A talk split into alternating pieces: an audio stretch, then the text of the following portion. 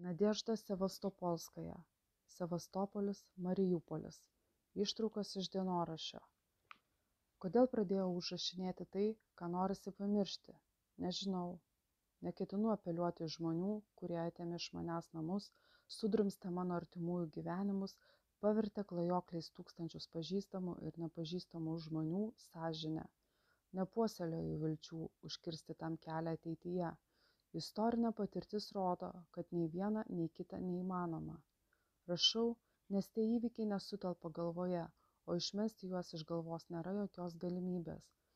Juk manojo krymo istorija yra ir mano istorija. Mama ir lygiai pusė giminaičių iš žemutinio novgorodo.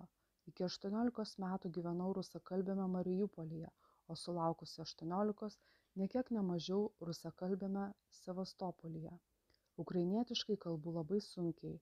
Taip sunkiai kad sesuo nuolat traukė mane per dantį. Ir štai sulaukusi trisdešimt penkerių su tuo visų pirmiau aprašytu kraičiu tampu karšta ukrainos patriotė. Paaiškinti galima paprastai. Pasirodo teisingumo poreikis man svarbesnis už etnines šaknis. Nežudyk nevok patys svarbiausi pamatiniai mano sielos principai. Ir nesvarbu kokia kalba juos tartų du tūkstančiai keturioliktų metų įvykiai man kur kas daugiau nei tik šokas.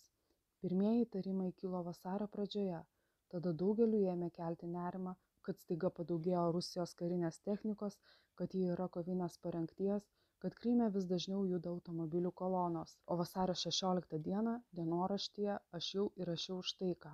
Vasario šešiolikta diena grįždama iš darbo eilinį kartą pastebėjau karinės technikos koloną pastaruoju metu jie stačiai nenustygsta vietoje. Rusų žiniasklaida pranešė kad kryme pradėtos karinės pratybos. Kodėl tuomet man taip neramu? Vasario devyniolikta diena. Šiandien nė viena iš mano klienčių neatėjo į užsiėmimus. Sutrikusi ėmiau visoms iš eilės skambinti. Visos kaip susitarusios atsakė kad biudžetininkus kaip sakoma priverstinai savanoriškai išvedė į mitingą. Vasario dvidešimt šešta du mitingai simferopolyje. Viename mojuoja savo vėliavomis kitame rusijos. Kodėl ne italijos ar pavyzdžiui zimbabvės? Atseit vienos šalies gyventojai staiga išsitraukė iš spintų kitos šalies vėliavas ir ėmė jomis mojuoti. Temanantysis jog tame nėra nieko keista pirmas meta į mane akmenį. Skambino marina iš simferopolio irgi ištikta šoko. Įdomu ji įsitikinusi kad mitingo aktyvistai ne vietiniai ne krymo gyventojai pagal visus požymius. Kitaip apsirengę kitaip kalba blogai orientuojasi mieste vaikšto grupėmis į mitingus juos atveža autobusais.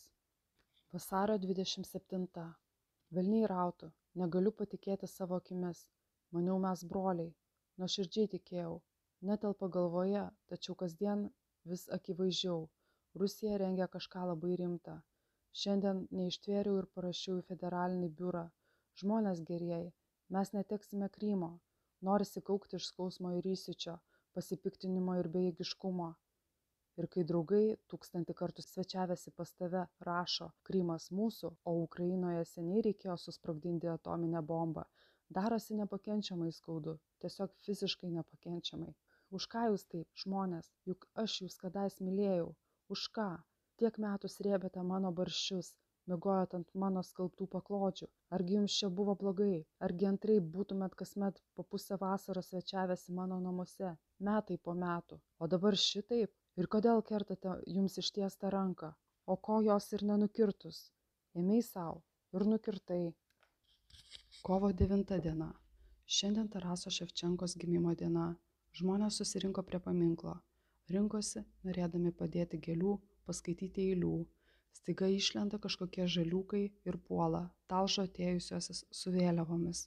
Pakartosiu dar kartą ir labai lėtai. Ukrainiečius ukrainoje muša už ukrainos vėliavas. Tai neįmanoma. Kur tai matyta? Juk ukrainos ir rusijos vėliavos mūsų šalyje visad kabėjo greta. Mes per amžius gerbėm visų tautų ir visų šalių piliečius. O kas dabar? Lyg mostelėjus kažkokia burtų lazdele atsirado žmonių nekenčiančių savo šalies ir visko, kas su ja susiję? Ar jie iš pažemė išdygo? Tada kaip? Išsigimė ar nukrito iš dangaus?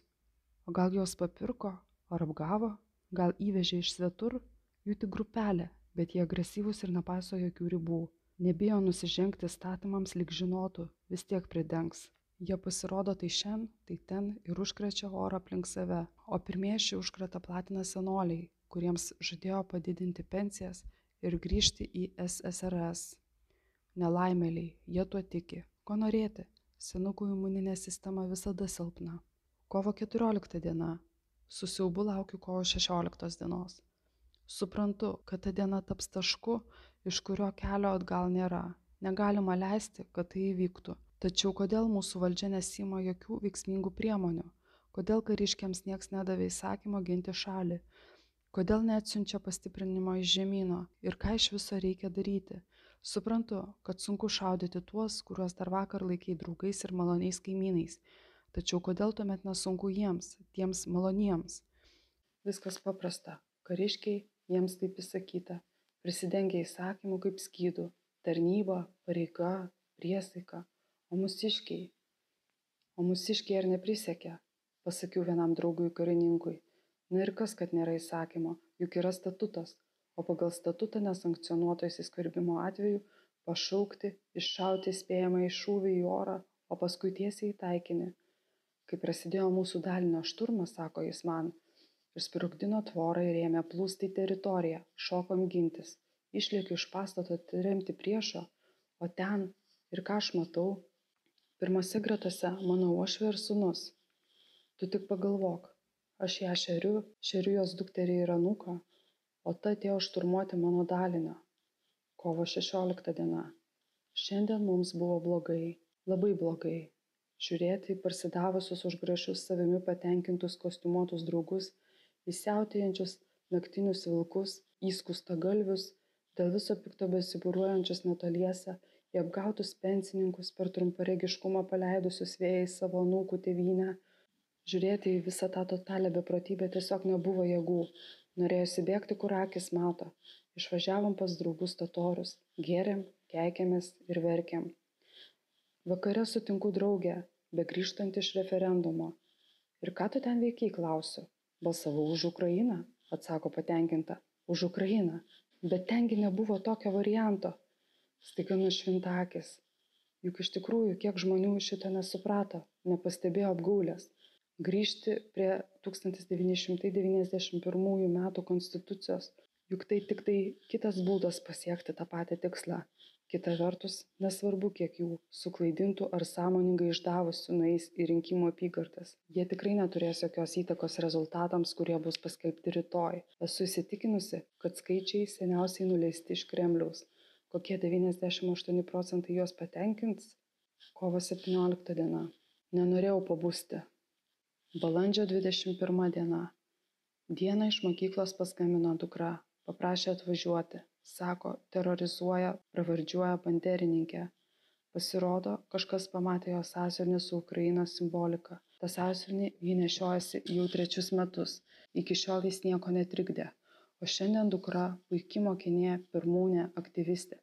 Dar neseniai mokyklos pažiba ir pasididžiavimas. Staiga tapo fašiste ir banderininke plykstelėjau atsistojau prieš klasę ir pasakiau jiems visiems ir mokytojūkštei ką apie tai galvoju. Pareikalavau kad pasiaiškintų klasės auklėtoja tačiau ir ta pasirodo turi pretenzijų mokinei kurią dar neseniai taip mylėjo. Ar girdėjot kad jūsų dukra atsisakė išmokti rusijos federacijos himną? Ir teisingai padarė. Kirtau ir nudrožiau tiesiai į kanceliariją atsiimti dokumentų. Lemtingą sprendimą priėmiau akimirksniu. Balandžio dvidešimt trečia diena išvažiuojam. Per vieną vakarą susirinkom būtiniausius daiktus susikrovėm į mašiną ir išvykom iš namų į namus. Kirsdama ukrainos sieną su ukraina susikirtau su kontrolės postą stypsojusiu rusijos pasieniečiu. Tai ką tau nepatinka gyventi rusijoje? klausia. O tu manai pakabinai vėliavą pastatei tvorą ir čia jau rusija? Žybtelėjo akimis ir trūktelėjo šautuvo spyną prieš nosį beginklei moteriai su vaiku. Tai štai koks tu rusų pasaulį